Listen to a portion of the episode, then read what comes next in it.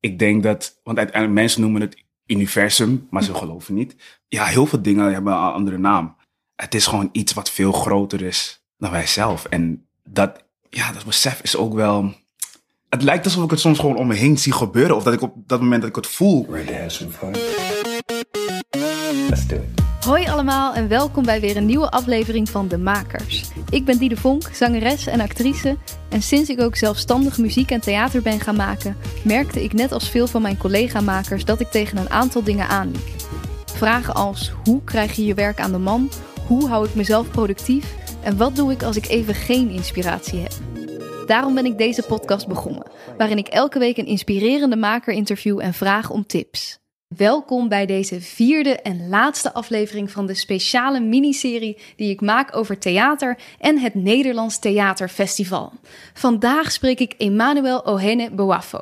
Hij is acteur en genomineerd voor een Louis d'Or, de prijs voor de beste acteur, voor zijn rol in de monoloog Seawall. Geregisseerd door Erik Wien en te zien op het Nederlands Theaterfestival op dinsdag 7 september.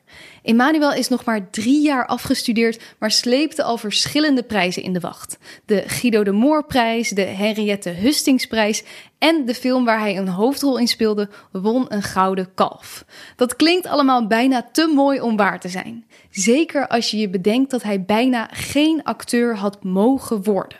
We hebben het over acteren, jezelf leren kennen, over geloof en over Emmanuels pad tot waar hij nu is. Heel veel luisterplezier. Hier is Emmanuel Ohene Boafo. Wat ging er door je hoofd toen je werd gebeld dat je was genomineerd voor een Louis d'Or? Heel, heel. ja, die begint al gelijk. ja, grote glimlach. Ja, direct. Oh, dat dat was zo gek. Want ehm, ik had ook zo'n een korte interview, omdat ik van tevoren had gehoord dat uh, Siwa was geselecteerd voor het theaterfestival. En ik werd dus gebeld door een bepaald nummer. En ik dacht dat het daarover ging, over nog de laatste checks ja. voor de volgende dag. Maar toen werd ik inderdaad gebeld door Hadassa de Buur. En dus ze zei van, ja, ik ben van toneeljury. Ik dacht van, ah, oké, ja, ja. en toen vertelde ze het en ik bleef heel lang stil. Ja? Ik dacht, nee, wat? wat? En ik schreeuwde dat, wat? En ik, ik, ik liep de hele tijd door het huis. En, dacht, nee, en toen begon ik te huilen. Ah. Ja, ik dacht echt, jeetje, dat dit is gebeurd. Waarom was dat emotioneel? Nou, Seawall was vanaf begin af aan was het al een soort cadeau. Het was echt, alles waar ik voor sta, zit in Seawall. En ik, heb het, ik zou het eigenlijk nooit spelen als de corona niet was gebeurd. Ja, want vertel even. Ja. Mhm. is een monoloog. En eh, ja, waar gaat het over? Yes. Nou, Seawall is, is, is geschreven door Simon Stevens, een Britse auteur. En ehm, hij heeft dit prachtige stuk geschreven. En het gaat zeg maar over Alex, een fotograaf. En er is iets tragisch met hem gebeurd. En hij probeert antwoorden te zoeken. En daarin neemt hij het publiek mee. Door allerlei ehm, gebeurtenissen die zijn gebeurd. En de gesprekken die hij heeft gehad. En tegelijkertijd laat hij ook echt zijn liefde eh, zien. zijn liefde voor zijn vrouw, Helen. En zijn dochtertje Lucy. En ook de gesprekken die hij heeft met zijn schoonvader, Arthur. Dus hij neemt je echt helemaal, hij neemt je helemaal mee. En het is zo liefdevol wat hij, wat hij zegt. En uiteindelijk komt hij bij die vraag, maar waarom moest dit gebeuren? Hetgeen wat er gebeurt. Waarom moest dat? Is er een God? Als er een God is, ja, dan wil ik hem wel graag spreken, want wat is dit nou? En hij geloofde niet echt dat er een God is, maar tegelijkertijd houdt dat hem wel bezig. Ja. Dus gedurende de voorstelling krijg je veel te weten over zijn vrouw, over zijn dochter en over zijn schoonvader. En uiteindelijk ook over hetgeen wat is gebeurd. Dus ja, het is, het is meer een. Sewell gaat eigenlijk in kort over eh, antwoorden zoeken, hoop. En eh, wat, ja, hoe pijnlijk, hoe pijnlijk bepaalde dingen kunnen zijn. En dat je hoopt dat er een reden is voor iets Ja. wat er gebeurt. Het grappige is dat ik zelf geloof, want ik ben gelovig. En Alex is dat totaal niet. Oh, dat is ook gek om Dat dan te gek. Spelen. Ja, Ja, ja, je speelt natuurlijk altijd vaker iets wat niet, wat Hmm. niet dichtbij je staat. Maar waarom was dit dan extra gek? Omdat geloof is echt een soort core ding bij mij. En om dan iemand te spelen die totaal niet gelooft. En ook, maar ook dat ik hem wel volledig begrijp. Want als er zoiets heftigs met je gebeurt, dat je dat af kan vragen van ja, eh, wat, wat is hier de reden van? Ja. God, Wat is kan je me nu vertellen? Ja. Wat, ja. Dus ik vond dat wel interessant om dat mee te maken. En om dat te voelen, inderdaad, om in zo'n iemands hoofd te kruipen. Van ja, wat zou ik doen? Ik. Ja, want heb je zelf wel zo'n moment gehad dat je zelf dacht, dat je dacht, wat is hier de bedoeling van? Ja. Ik ben nooit echt soort van bijna afgestapt van mijn geloof. Dat, dat heb ik niet echt meegemaakt. Maar wel dat ik een aantal situaties, eh, in een aantal situaties ben terechtgekomen waarbij ik dacht, oké, this is weird. Dat was, ehm, ik zat in mijn derde jaar. Mhm. Is dat derde of tweede? Nou, volgens mij tweede jaar van, Van de de toneelacademie. toneelacademie, hè? Ja. En ehm, we mochten voor een, een global project, mogen we overal in de wereld gaan. En dan moeten we terugkomen met een presentatie. En ik wilde heel graag naar Turkije gaan. Maar mijn moeder had een soort van vreemd gevoel. Ze dacht van, ja, hm, ik wil niet echt dat je gaat, dit en dat. Ze zo, maar ik had al mijn tickets geboekt en geen annuleringsverzekering. Dus toen, ehm, toen vertelde ze me opeens van, ja, weet je wat, ik wil toch dat we even naar de pastoor gaan. En dat hij voor je gaat bidden. En dan voel ik me goed. Dan ben ik ready. Zij had er gewoon geen goed gevoel Nee. bij. Ze- Oké. En eh, nou, toen dacht ik, weet je wat, laat me het gewoon doen. Mama ook weer blij. Precies, en dan kan ik gewoon gaan. Want ik zou, we gingen volgens mij die maandag naar de pastoor en ik zou, die woensdag zou ik vliegen. Dus we, gingen- ja, we gingen naar de pastoor en we kwamen binnen. Ik gaf hem deze hand en hij zei, je wilt ergens naartoe gaan. En zei ik, ja. En toen zei hij van, je moet niet gaan, want je gaat een ongeluk krijgen. En ik keek direct naar mijn ma, want ik dacht, heb jij hem iets verteld? is dit een soort van... Ja, dat ging Ja, ook door mij ook. Precies. en zij had hem nog niks gezegd. Ah. Het enige wat zij had gezegd was, ja, we komen langs. Mhm. En ik, ik kon het op dat moment nog niet echt geloven. Ik dacht, wat? Dus op een gegeven moment, eh, nou, toen ging hij, ging hij een beetje door. En ik dacht van, jeetje, dit is gek. Dit is heel gek. Terwijl ik gewoon gelovig ben. Ja. Dus op een gegeven moment gingen we naar huis. En ja, mijn moeder in tranen. Want ze dacht van, ja, ik wist het, ik wist het, ik wist het. En ik, ik, ik, ik vond het zo gek wat er gebeurde.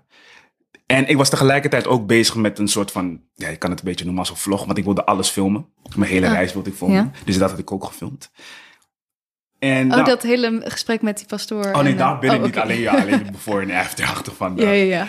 En ehm, dus op een gegeven moment, toen waren we thuis. En toen vroeg mijn moeder van... Nou, ze, ze, ze vroeg het niet. Ze zei van, ja, je weet dat je gaat niet. Toch, je gaat niet. En toen dacht ik inderdaad van, nou, volgens mij kan ik niet gaan. En toen heb ik mijn, mijn ticket dus geannuleerd. Maar inderdaad, met mijn geld, alles was weg. En toen dacht ik, toen had ik een paar dagen daarna had ik een soort van... Toen knaagde het gevoel. Ik dacht van, jeetje, ja, maar dit vind ik wel heel gek. Ja. En toen dacht ik, weet je wat, ik ga mijn moeder toch vragen. Van, heeft ze iets in scène gezet? En toen werd ze boos. ze werd heel erg boos. Dus we hadden ruzie.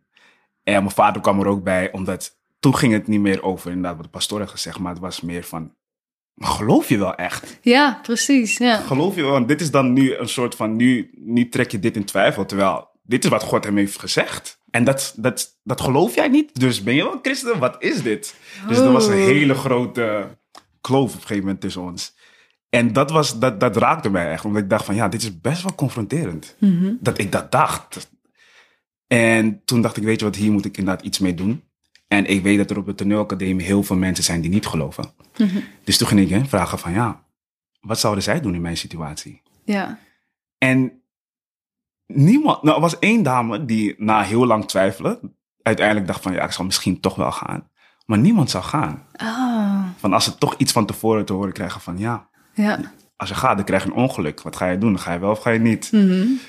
En iedereen vond het lastig, maar ze zeiden uiteindelijk niet gaan, behalve één dame. En dan, ja, en dan... Dus- Dus eigenlijk zelfs mensen die niet geloofden, ja, toch ook wel een beetje geloven. precies. Ja, ja, en En wat dat dan ook is misschien. Maar daarom. Zou jij gaan, denk je? ja, ik weet niet. Ik ben daar. Ik zou nu zeggen, misschien ben ik daar te nuchter voor. Mhm. Maar ja, als het inderdaad van twee kanten zo op je afkomt.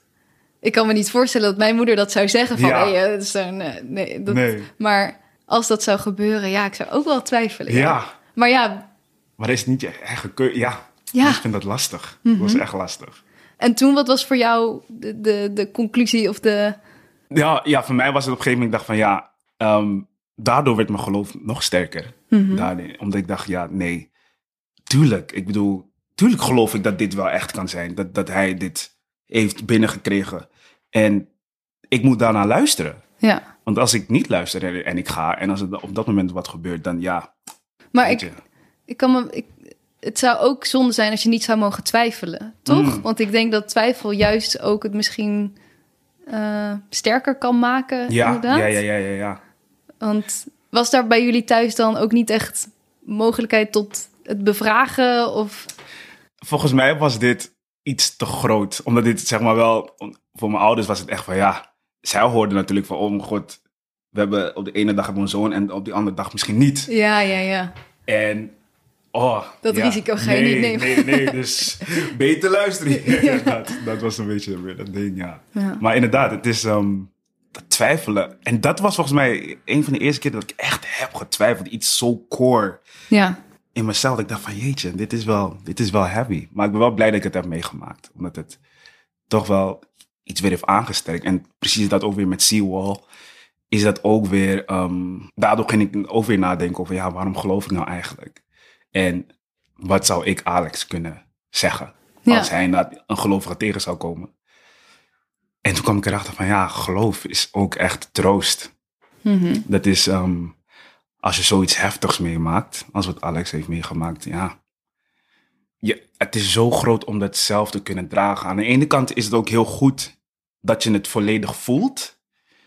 En als gelovige, dan voel je dat natuurlijk ook wel. Maar uiteindelijk heb ik wel God, zodat ik niet al mijn last hoef te dragen. ja. En ehm, dat kan soms natuurlijk heel wat abstract klinken. Maar uiteindelijk is dat wel echt zo. Dat ik, het is toch altijd een soort van. ehm, het geeft veel hoop. Mhm. En ook al begrijp ik het nu niet, wat de reden daarvan kan zijn. Geloof ik dat er toch een reden is. Uiteindelijk, hoe moeilijk dat ook is, is er een reden. En daar, dat is waar geloof binnenkomt. Dat is waar, waarvoor ik geloof is. Geloof is voor mij ook. Het gaat pas werken zodra de donkere dagen komen. Ah. Dat is voor mij niet wanneer de happy days van oh happy day. Dat is ook leuk. Mhm. Want eh, wat nu allemaal gebeurt, I thank him. maar ik denk dat, dat je echt weet wat je eraan hebt zodra je de donkere dagen meemaakt. Ja.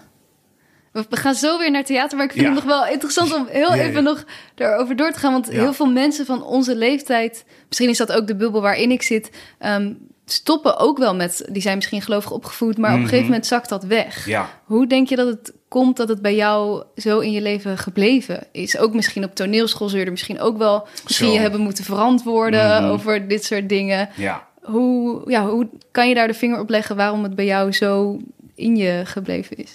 Nou, ik denk, ehm, inderdaad, sowieso ben ik ermee opgevoed ook. Mhm. Maar mijn ouders hebben me wel op zo'n manier opgevoed dat ik eh, wel zelf mocht beslissen wanneer ik me wil laten dopen. Mhm. Dus ik heb dat nu, Ah. ik ben nu vier jaar geleden gedoopt. Oh, zo laat dan eigenlijk ja, pas. precies. Oké. Dus dat hebben ze wel echt aan mij overgelaten. En ehm, ook omdat ik weer door dat soort dingen, dat ik zelf wel bepaalde dingen meemaak. Dat ik denk van ja, er is veel meer hoor. ja, er is echt. No, there are a lot of secrets here. Mhm. En ook een, een soort van een bepaald soort van energie. Ik bedoel, God is natuurlijk ook wel een, een- maar een benaming wat we het hebben gegeven. Ja, ja. Ik denk dat, want uiteindelijk mensen noemen het universum, maar ze geloven niet. Mensen noemen, ja, heel veel dingen hebben een andere naam. Maar ik denk dat het uiteindelijk wel op hetzelfde neerkomt. Het is gewoon iets wat veel groter is dan wij zelf. En dat, ja, dat besef is ook wel. Het lijkt alsof ik het soms gewoon om me heen zie gebeuren. Of dat ik op dat moment dat ik het voel. En als je op een bepaald soort energie voelt, Ja, als je ergens bent of als je met iemand praat. Dat is ook waar God in zit voor mij. oh, ja. God is voor mij ook echt een energie. En En kan dat dan dezelfde God zijn als iemand die het wel universum noemt? Of, ik eh, denk het wel, maar, ja. maar ik denk dat het. En nu, en nu ben ik misschien een beetje biased als ik dit ga zeggen, maar ik denk dat, dat mensen inderdaad een soort van bepaald beeld van God hebben als een soort van mannetje die, dat, die checkt van, oh ja, hoe gaat het met mijn kind? Maar ik denk dat God niet per se daar in de sky is, maar hij is hier op dit moment. Ik bedoel, als er ergens liefde is, daar is God. mhm. Het is echt een, het is ook een, een levensenergie. Het is, ehm, Het klinkt ook alsof je veel bewuster leeft. ja. Is ja, dat ja, echt ja, zo? Of is dat altijd zo? Of is dat... Nou, het is wel echt, ja, ja dat ik voel me veel bewuster in dat zin, omdat je dingen echt ziet. Mhm. Of zo, omdat je dingen echt kan ervaren en je leeft ook veel. Nou, ik kan niet zeggen veel dankbaarder, want ik weet het niet. Maar ik, voor mijn gevoel leef ik veel dankbaarder op dat moment. Omdat ik ook wel, ik, ik wil zeg maar, ik wil dat mensen om me heen Gods energie kunnen voelen als ik er ben. Zo. En dat door Wow. van, ja. is ook wel een verantwoordelijkheid. Toch? Maar, eh, het grappige is dat het, het enige wat ik hoef te doen is er te zijn of zo. Ja, het voelt niet als een last of zo, van Nee, ik moet nee, nee. jullie... eh, Als ik iets voor jou kan doen op dit moment, wat jou goed zal doen, mhm. dan is dat het. Dan Ja. is dat God's energy wat nu float. En ik denk dat goed doen, liefhebben, dat, dat, dat doe je Gods werk. Ja. Maar zijn- ik geloof ook echt dat wij mensen in zijn beeld zijn gemaakt. Dat staat ook in de Bijbel van, eigenlijk zijn we ook in zijn beeld gemaakt. Mhm. Dus we zijn goden. We Ja. creëren. Uh, we kunnen liefhebben. We kunnen... En dat, dat zijn allemaal goddelijke dingen. Zo ja. Mooi. ik, eh, ik- zeer interessant. Oké, terug naar die kamer. je, stond, eh, je werd emotioneel, je werd gebeld door Hadassa, inderdaad. Eh nou, er ging van alles door je heen. Ja. Had je het ooit verwacht of wa- was het door je hoofd gegaan? Stiekem. Kijk, heel goed, geen valse bescheidenheid. Nee, precies. Nee, stiekem wel. Ehm, het grappige was, ehm, toen ik het had gespeeld en de vrienden die kwamen kijken, ja, dat, dat, was, dat, was, dat was heel ehm, emotioneel voor mij, omdat ik, ze waren zo, eh, er wa- waren een paar vrienden die dachten van, ja, eindelijk kan je nu echt iets groots doen. Want toen ik bij het Nationaal Theater eh, kwam, is het natuurlijk gewoon logisch dat je rustig begint en Begin een beetje in het ensemble, Precies. kleinere rolletjes. en je meters maken daarin. En wat ook gewoon goed is natuurlijk, zodat je echt eh, kan leren.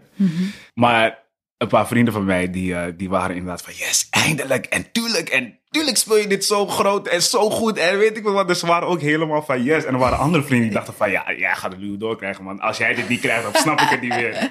Kendrick, hey. Heeft gelijk gehad. ja, precies. Kendrick die ook. En, en Janelva en Anton. En,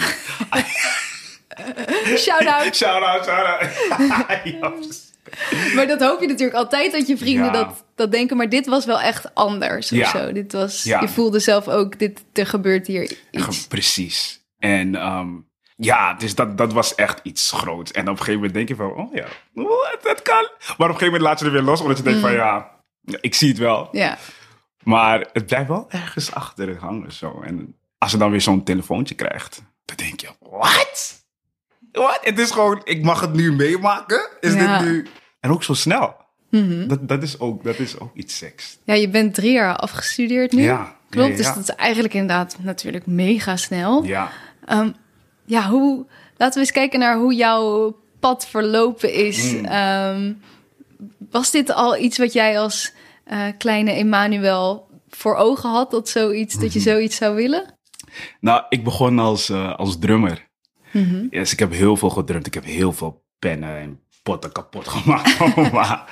En ehm, dus daar zagen mijn ouders wel al van dat ik iets moest doen op het podium. Ja. En, maar dat, was, dat, dat zagen ze natuurlijk als een leuke hobby of whatsoever. En op een gegeven moment, eh, nou, muziekschool. En toen had ik een voorstelling gezien.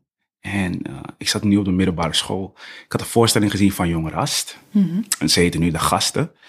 En die voorstelling sprak me echt aan. Het was echt, ehm, ja, dat was gewoon crazy. Dus ik dacht, wat gebeurt hier? Mhm. Echt die, die jonge mensen met een super tof verhaal. Ik dacht, jeetje, dit wil ik ook. Dus eh, toen heb ik me ingeschreven bij eh, Jong Rast. Auditie gedaan. En toen kwam ik in de trainingsgroep Plus. Mhm. Ja, dat is dus een, een, een jongere theatergezelschap. Ja. En eh, je hebt dan verschillende groepen. Ja, oh, Neem je hebt ik trainingsgroep. Je hebt trainingsgroep Plus en productiegroep. Ja. En ik kwam in trainingsgroep plus. En uh, nou, dus dan, toen krijg je een beetje, dan krijg je een beetje die handvat van, oké, weet hoe, hoe werkt het spelen? En ja, dat. En ik vond het heel leuk. En toen mocht ik doorstromen naar productiegroep. Ja. En dat is waar je echt een voorstelling gaat maken en dat je ook mag toeren door Nederland. En toen kreeg ik, toen kreeg ik het gevoel, oké, dit wil ik doen voor de rest van mijn leven. Ja? Dit, ja, dus daar begon het echt met groeien. Dus en toen zaten we, dus nu zitten we volgens mij in 2011, 10, 11 zo. En eh, ja, dus toen hebben we voorstellingen gespeeld, eh, heel veel gerepeteerd en ook echt begrijpen wat spelen is. Maar ook jouw eigen verhaal begrijpen. We werden op zo'n manier, we, we maakten voorstellingen ehm, aan de hand van interviews. Dus wij werden geïnterviewd over bepaalde dingen van onszelf, hele persoonlijke dingen. En dan moest je ook, dat was super eng. Want dan, dan, dan, dan zit je daar in een zaal met je groep. En dan moet je daarvoor gaan staan en dan mag iedereen je vragen stellen. En de schrijfster is er ook bij. En ja, en dan worden er gewoon bepaalde de- vragen gesteld. Iedereen breekt natuurlijk. Want we gaan direct gewoon diep Ah. En dan ook echt op het podium Ja. met de groep in de zaal. Poeh, Ja, ja, ja. super kwetsbaar. Heel kwetsbaar. Maar zo prachtig om iedereen zo te zien. Want dan groei je direct zo. Ja. Na zo'n sessie ben je echt... Ah, Naar weer elkaar toe. Ja. Ja. Dus eh, nou, dan hebben we dat gedaan. En dan begrijp je jezelf ook. En heel veel dingen wat je in je hoofd hebt. Of waarvan je dacht van, dit is normaal. Dan kom je erachter van, ah, dit, is, dit is eigenlijk best wel gek dat ik zo denk. Of dat ik dit heb meegemaakt. Dat is eigenlijk best wel heftig. Omdat bepaalde dat soort dingen. En eh, nou, dus daar, aan de hand daarvan werd dan een stuk geschreven. En wat, wat leerde je daar toen? Wat is het grootste dat je toen over jezelf leerde? Of Um, nou, ik heb, ik heb een, een soort. ehm, in, de, in onze Ghanese cultuur, want ik, ik heb Ghanese roots, is het ook zeg maar zo dat je ehm, heel nederig, dat je echt als, als kind, je, je mag niet echt vragen stellen. En als je dat doet, als je dat op een bepaalde manier doet, dan word je gewoon gelijk gezien als brutaal. Of ja, zo bij de hand van, nou, stel niet te veel vragen, doe gewoon wat je moet doen. En dat is bij mij, tot de dag van vandaag heb ik daar nog, er zit nog steeds in mijn hoofd. Dat is nog steeds een soort, een ding waar ik tegen vecht. Het heeft me ook wel goede dingen gebracht. Dat zeker, maar tegelijkertijd, vooral op de toneelacademie, heb ik zelf ook nog wel wat dingen gevoeld. Dat ik dacht van, oh ja, ik vind het soms lastig om kritische vragen te stellen. Omdat dat bij mij ingestampt is van, ja, doe niet te moeilijk. dat doe je niet. Ja. Doe gewoon wat je moet doen. ja. En eh, Terwijl dat juist natuurlijk de plek is waar je dat wel zou moeten. Precies, dat was van je geëist. Stel Ja. die vragen, maak het moeilijk. En dan zit je daar van, ah ja, ja. Dus eh, maar daar, daar kwam ik dus wel, wel achter in dat, bij Jong Ras, dat dat al best wel heavy was. Mhm. En ook hoe hoog ik mijn ouders heb zitten. En ook hoe die strengheid van, van mijn vader en van mijn moeder. Tuurlijk doen ze dat om een bepaalde reden, maar tegelijkertijd heeft het ook heel veel last op die kids. Van nu, als je, als je ouders vanuit Ghana hier naartoe komen, dan verwachten ze natuurlijk echt een bepaald soort standaard voor de kids. Ja. Van word dokter, advocaat of whatsoever.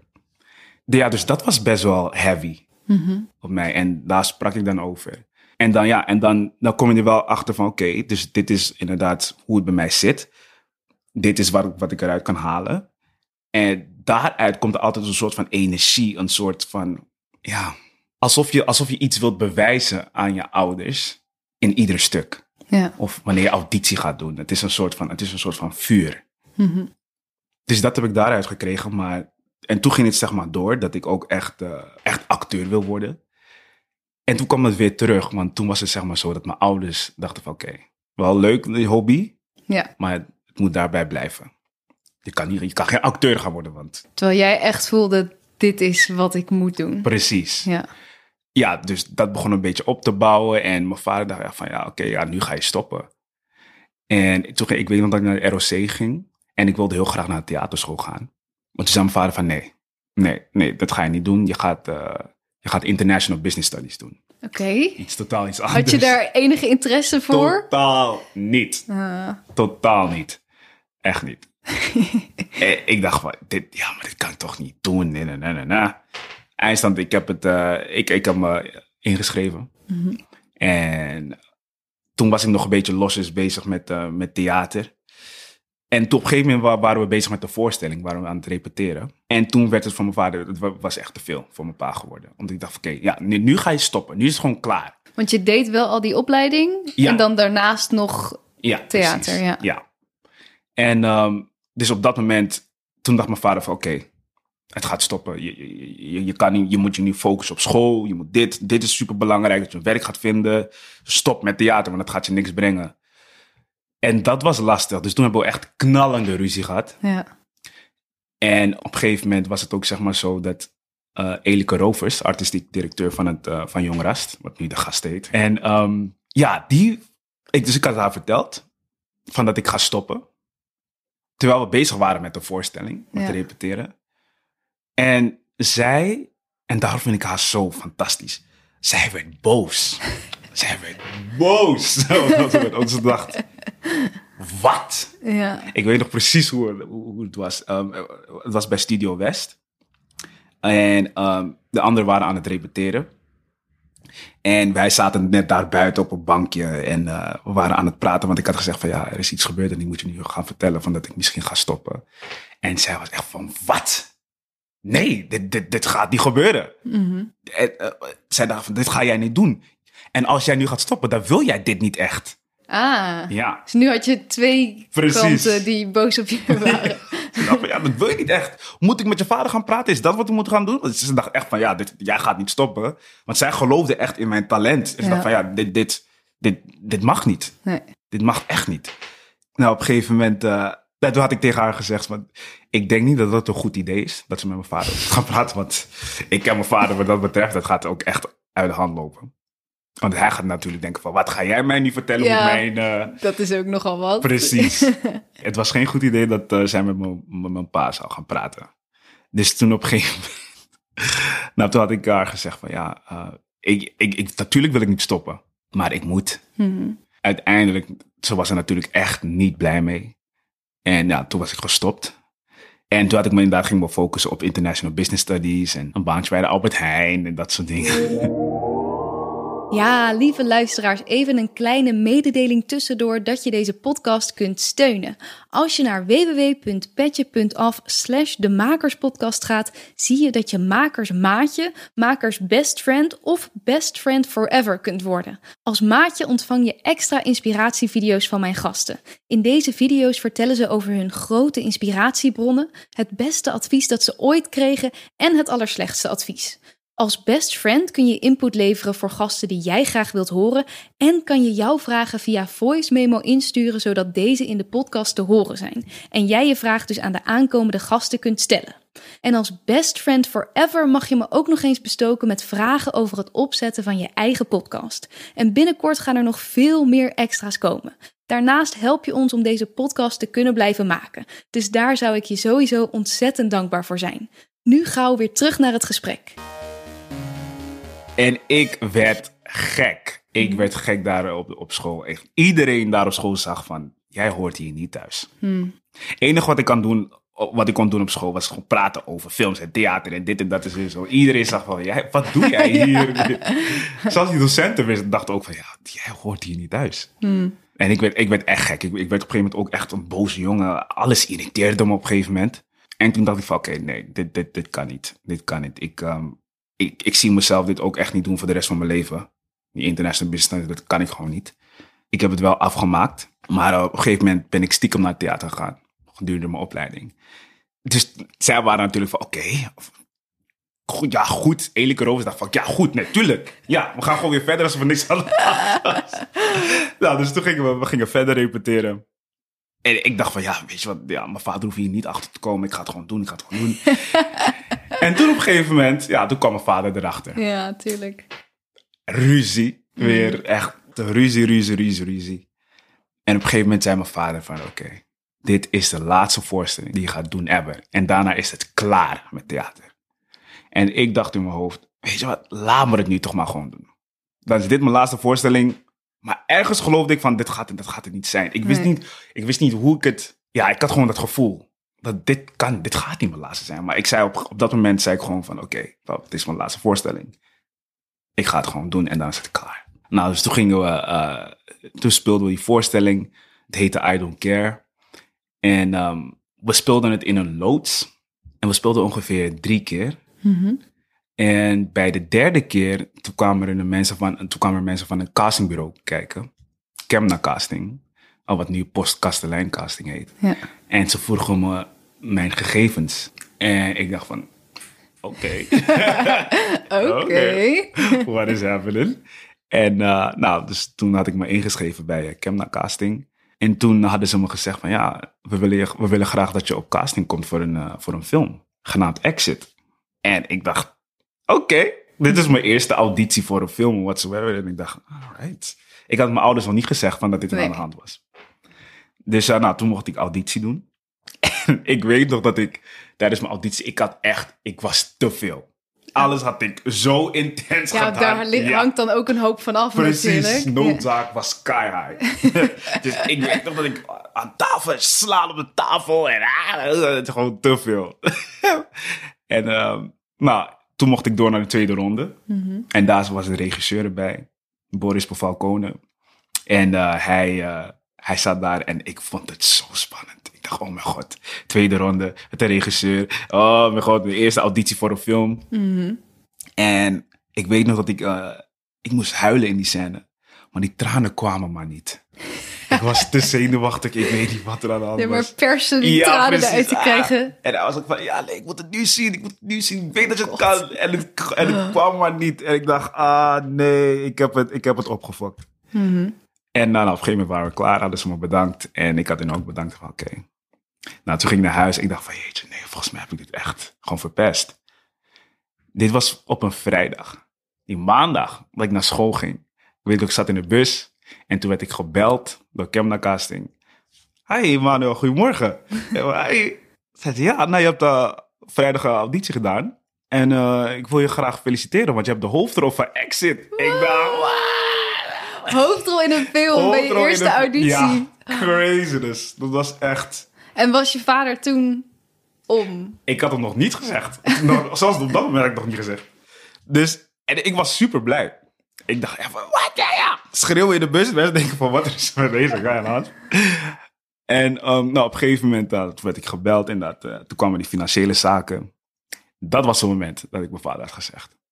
Toen hij hoorde hoeveel ik zou gaan verdienen, toen was hij om. toen dacht hij, oké, oké, misschien, misschien... Ja. Misschien zit hier iets. Ja, precies. Ja. Want hij was natuurlijk gewoon gewend dat, dat, dat ik juist betaalde en dat ik dan niks binnen zou krijgen. En Ja, ja, ja, ja. Dus dat was het moment dat, dat hij je echt liet van... oké, ga het maar proberen. Ga het maar proberen, precies. En vanaf dat moment, nou, toen was hij ook echt om. Ik bedoel, Ja? ouders waren ook echt... mijn familieleden bellen toen die film op tv kwam. Ja, mijn zoon is op tv en ik ben zo trots op hem. Dus Ah. En dan in mijn hoofd had ik natuurlijk dat ik dacht van... Oh, ik kan nu voor alles zeggen. Maar ik dacht van, weet je wat? Ik heb gekregen wat ik wilde. Het is goed zo. Nou, dus toen kwam die film. En toen bleef het maar doorgaan. Want op een gegeven moment werd die film ook nog genomineerd voor een Gouden Kalf. En toen was het, voor hun was het natuurlijk ook gewoon crazy. Van, oh, dit kan, die film is genomineerd. En toen hebben we ook nog die Gouden Kalf gewonnen. Ja. En toen ging het maar door en door. En dat balletje begon te, eh, te rollen. Auditie gedaan voor Amsterdamse eh, Kleinkunstacademie. En daar ben ik niet aangenomen. Dat was spannend, omdat ik dacht van, ah ja. Oh ja, ik ben nu niet aangenomen. Wat ga ik nu doen? Shit, ja. Dus dat was weer spannend. En dan had ik mijn vader verteld. En toen zei ik van, ja, ik wil heel graag een tussenjaar. Toen zei hij van, oké. Nou, je mag een tussenjaar nemen. Maar als het volgend jaar weer niet lukt, Ja. dan moet je wel weer Dan is het, eh, nou Precies, ja. ja. Ik dacht, fair enough. En op de een of andere manier was ik, was ik te laat met, met, met, met me inschrijven met audities. Jaar daarop. Het jaar daarop. Hoe dan? Echt crazy dus. dat je denkt, ja. hoe? Why? en ehm, en ik, wilde, ik wilde nog heel graag naar Maastricht. Ja. Dat weet ik nog. En ik was sowieso te laat voor Arnhem. Mhm. Amsterdam wilde ik niet meer doen, omdat ik wel voelde van... Volgens mij is dat niet mijn school. Ja. En, maar ik was te laat voor Maastricht. En toen dacht ik van nee, nee, dit, dit mag niet. Want als ik nu geen auditie kan doen, dan, dan moet ik inderdaad wel echt verder gaan met mijn Ja. international business. Dat is dus, oh my god, God, please help me. En toen hoorde ik van dat ze een, een, een, eh, een Camna-ronde hebben. Dus voor mensen die al films hebben gedaan, Oh, hebben ze dan een soort van een, een, een, een ronde. En dan kan je inschrijven. Oh, voor de toneelschool een soort aparte... ronde. Precies, Ah, ja. En toen dacht ik van, oh god, oké, ja, dat moet ik gaan doen. ja. Was ik daar ook te laat voor. ik dacht, nee, Oh my god. nee. Het Dus is toch wel het echt een klaar? rocky road Precies, geweest. dat je denkt, nee.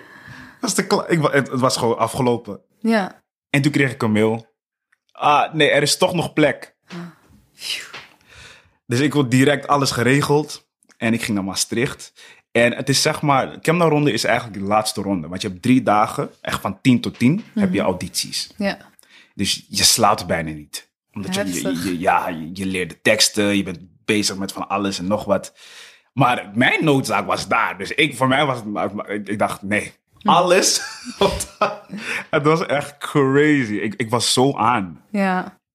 Ja, op een gegeven moment eh, krijg je dan te horen op de derde dag. Ik weet, we zaten in een cirkel. En we waren volgens mij met z'n achttienen.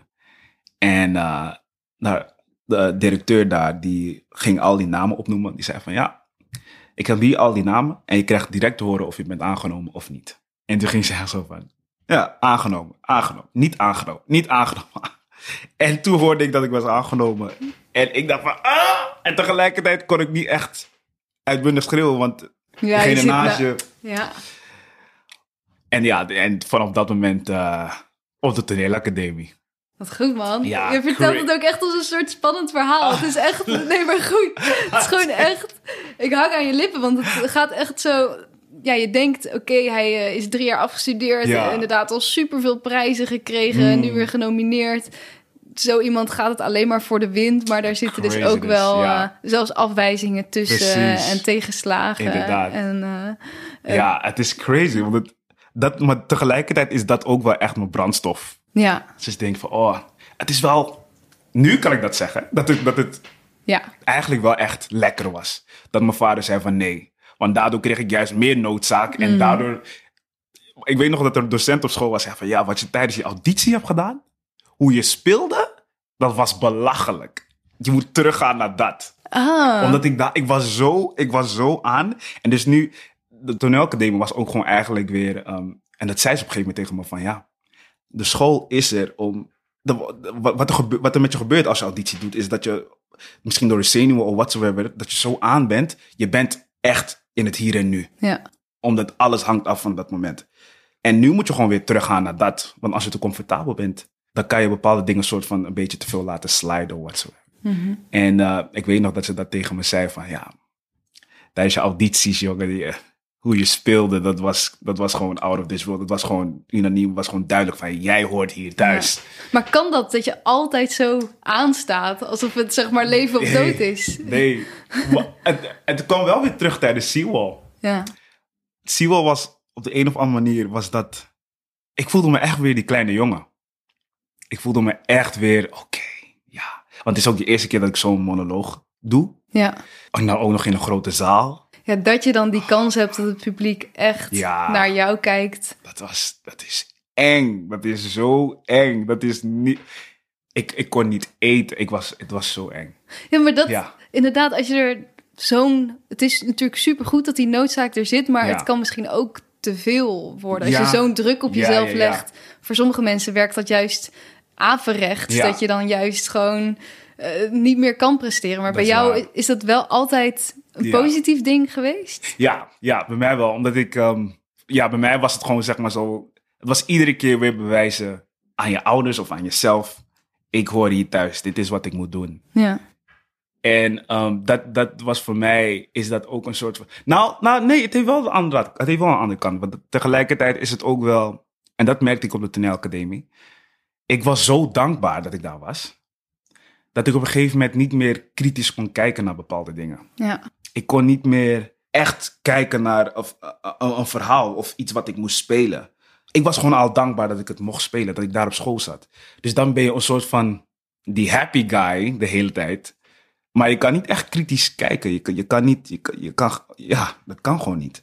En ik, ik had daar veel moeite mee. Ik had daar moeite mee om inderdaad om kritisch te zijn. Want voor mij was alles prima en oké en cool. Want ik ben al hier, dus daar Ben ik hier, super. Ja, precies. Ja. En dat kreeg ik ook terug van de docenten. Dus ja, dus dat, was, dat was ook wel echt een journey om daarmee om te gaan. Om te kijken van oké, ja, je bent hier. Je bent hier, oké? Het is gewoon... Ja. Precies. En nu? Wat Ja. zijn volgende stappen? Dus daar was de toneelacademie ook wel echt goed voor. Om, om daarin eh, kritisch te kunnen kijken. Want ik had het nodig tijdens mijn stages. Ja, want hoe heb je toen geleerd om toch die kritische blik weer aan te zetten? Nou, ik had, ehm, ik weet nog, ik, ik speelde in een voorstelling tijdens mijn stage. En daar was tijdens de repetities dat ik een best wel stereotyperende rol moest spelen. En ik zat in mijn derde jaar en ik dacht, oké, ehm, ik voel me best wel dom dat ik dit moet gaan spelen. En ik dacht, dit, dit, dit dacht allemaal in mijn hoofd.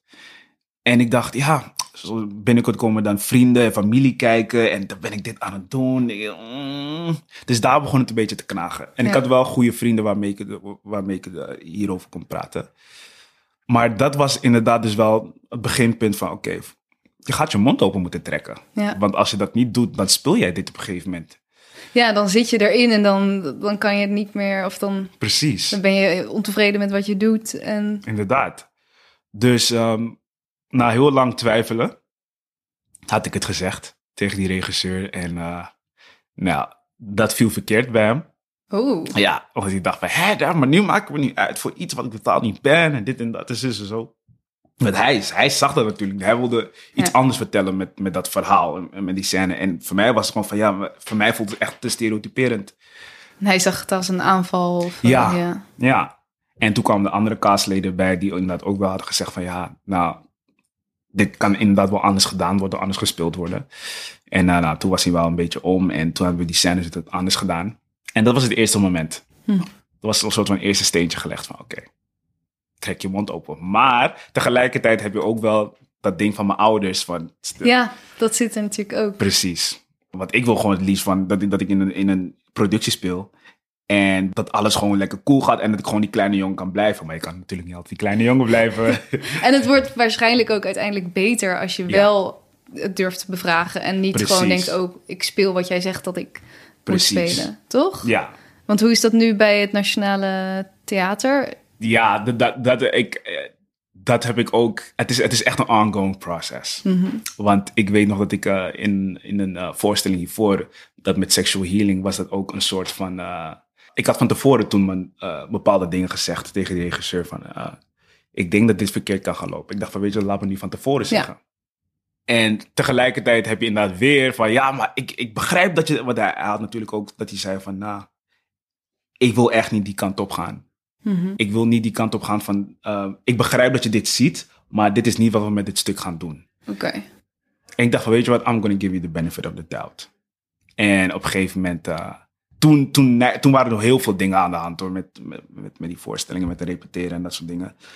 Maar ik was wel in een soort van mood van, ah, we moeten het laten werken op de een of andere manier en, en, en telkens aan het zoeken. Dus ik was echt in, in een soort van drive van, oké, hoe kan ik dit, hoe kan ik dit doen? Hoe kan ik dit doen? Hoe kan ik hem duidelijk maken van dit, dat nog bepaalde dingen nodig zijn? Tegelijkertijd was ik ook weer zelf aan het zoeken. Iedereen was een beetje aan het zoeken. Maar wat ik daarvan had geleerd is dat ik veel strenger kan zijn. Nu was het zeg maar zo dat ik het heb gezegd Ja. van tevoren. Dat is ook weer een trapje. Maar mijn next ding was, je mag echt super streng zijn. Je mag daarvoor staan. Je mag, je mag zeggen van, nee, sorry, dit ga ik echt niet doen. Mhm. Dat mag, want andere acteurs doen het ook. En daar krijgen zij respect voor. En Ja, oh. dus waarom doe ik dat niet? En ik had ook nog een, een gesprek met eh, Romana Vrede. En die zei op een gegeven moment tegen mij van ja, je bent geen klootzak als je, als je de waarheid spreekt en als je daar boos om wordt. Want je bedoelt het goed. Mhm. En zo, als, ja, als dat gewoon zuiver bij jou is, en daar komen de emoties bij, dat is helemaal oké. En dat heb ik inderdaad ook, dat heb ik goed geïncasseerd in that way, omdat ik dacht van ja, tuurlijk. Waarom moet ik altijd people pleaser? Waarom moet ik altijd die guy zijn dat ik denk van oké, ehm, ik kom jou wel tegemoet. Ja, dat je zo op je tenen aan het lopen Precies. bent van, ik zeg het zo, maar Ja. ja. Dus, eh, de, ja, dus daarom, om, te, om maar te zeggen hoe diep het bij mij zit. Van, Ja. tot, dus, maar nu ben ik wel echt op een. eh, ik, ik voel dat ik nu. Natuurlijk, dit, ik, ga, ik ga dit blijven leren. Dit, dit is gewoon een ding wat. Mm. Maar eh, ik voel dat ik nu veel, veel steviger in mijn schoenen sta. Om, om daar gewoon echt heel streng op te zijn. En ook gewoon direct nee te zeggen op bepaalde dingen. Dat ik denk van ah. Maar wat met film gaat het wel makkelijker. Omdat je met film krijg je die scènes van tevoren. En dan kan je ook het script lezen als, als die er is. En dan kan je eh, op basis daarvan kan je dan zeggen van, nou, ik kom audities doen of niet. Mhm. Met theater is het meestal zo, het moet nog geschreven worden of ja. er is nog een we soort gaan van het nog aanpassen of ja. dat. Dus tijdens film heb ik dat wel meer kunnen leren, maar met theater vond ik dat een beetje lastig. En ook bij het Nationaal Theater is het ook wel zo dat ik, eh, ook daar weer komt het dat je, super dankbaar bent ja. dat je daar mag spelen. En dat je ook echt je meters maakt. Want ik heb echt wel meters gemaakt. Maar inderdaad, soms, soms gebeuren er dingen wat ook gewoon voor het Nationaal Theater ook heel goed is. Want daar leren we beide van. Ja. We hebben inderdaad ook daarna, na het hele gebeuren, hebben we ook gewoon een gesprek gehad. Een bedrijfsgroot gesprek gehad over ongemakkelijke gesprekken. En hoe gaan we hiermee om? En dat is dus wel een soort, een, een, een goed ding. Dat heeft het ook opengebroken. dus Precies, ja, ja. Dat we het hier echt over hebben gehad. En dat, vond ik, dat vind ik heel tof van het Nationaal Theater, dat ze dat hebben gedaan. Ja. Om dit gewoon echt, oké, dit goed aan te kaarten van, oké, hoe kunnen we dit voorkomen? Ja. Hoe kunnen we inderdaad al die blinde vlekken die er zijn, dit, ja, want we, we slingeren inderdaad verhalen de wereld in. En dan mensen komen kijken en die denken van, hè, hè, hè. Dus het is voor iedereen is het uiteindelijk dan wel een win-win situatie om te checken van oké, dit kan niet meer gebeuren. Ja. Hoe gaan we dit voorkomen? Je bent ook eh, een van de oprichters van The Need for Legacy. Yes. Loopt het daar ook mee samen, Mhm. dit? Ja, ja, echt een Need for Legacy. ehm, we hebben meestal ook ehm, van die ehm, de Need for Legacy tables. En dan nodigen we gasten uit. Ehm, ja, we, we hebben hele toffe gasten gehad. Van Romana Vrede tot Marjorie Boston. En hele toffe mensen. En inderdaad, Misschien moeten we nog even voor de mensen die het niet kennen. Oh ja, wat, Wat het is het? Ja. Wat is het? Ja, nou, de Need for Legacy stichting, Need for Legacy is, ehm, het is een stichting en het gaat zeg maar over dat we theaterkanon, dat we daar veel meer kleur in willen brengen, want er zijn hier superveel helden in Nederland geweest die we zijn vergeten. Ja. En dat kan niet en dat mag niet. Dus wat wij willen doen, uh, wij willen al die verhalen en al die dingen die zij hebben gemaakt, die willen wij inderdaad weer naar het publiek brengen. Om te laten zien van, hé, hey, Er is veel meer. Precies. Ja, Their ja. legacy. En ook dat heel veel gekleurde acteurs, dat ze niet het gevoel moeten krijgen dat ze het wiel weer opnieuw moeten uitvinden. Ja, want je zal inderdaad vast niet de eerste zijn die tegen dit soort dingen aangelopen is in een Precies. theatergezelschap. En Precies. het lijkt wel alsof jij het dan weer opnieuw moest eh, aankaarten en dat hele proces moest doorgaan. Precies. Ja. En dat, dat moet inderdaad echt niet het geval zijn, want dat is inderdaad echt de hele grote burden. Ja, Want je denkt van, oh mijn god, ja. En soms heb je, wil je bepaalde dingen aankaarten, maar dan heb je niet echt de woorden ervoor. Of heel veel dingen.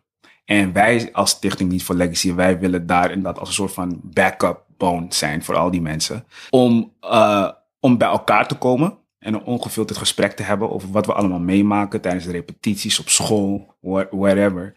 En waar je ook mensen kan vragen om mee te gaan naar een bepaald gesprek. Of inderdaad, of tips kan vragen en, en ook met mensen uit, uit het veld. Dat je, dat, je, dat je die weer inderdaad ehm, kan vragen van oké, wat hoe hebben jullie het meegemaakt? Gewoon Ja. echt heel veilig, safe. En dat is zodat we heel veel kracht daaruit halen. Na iedere sessie is het gewoon, dan krijg je gewoon het gevoel van yes, ik kan de wereld je? ja je bent niet Ja, alleen. Precies. En andere mensen hebben dit al meegemaakt. Precies. En we, ja, dit doen we echt samen. En wat we ook met Stichting Niet voor Legacy aan het doen zijn, dat we ook ehm, eh, schilderijen. We hebben dit jaar hebben we Rufus Collins. Is het ons gelukt om zijn eh, fantastische schilderijen gemaakt door Brian Elstak.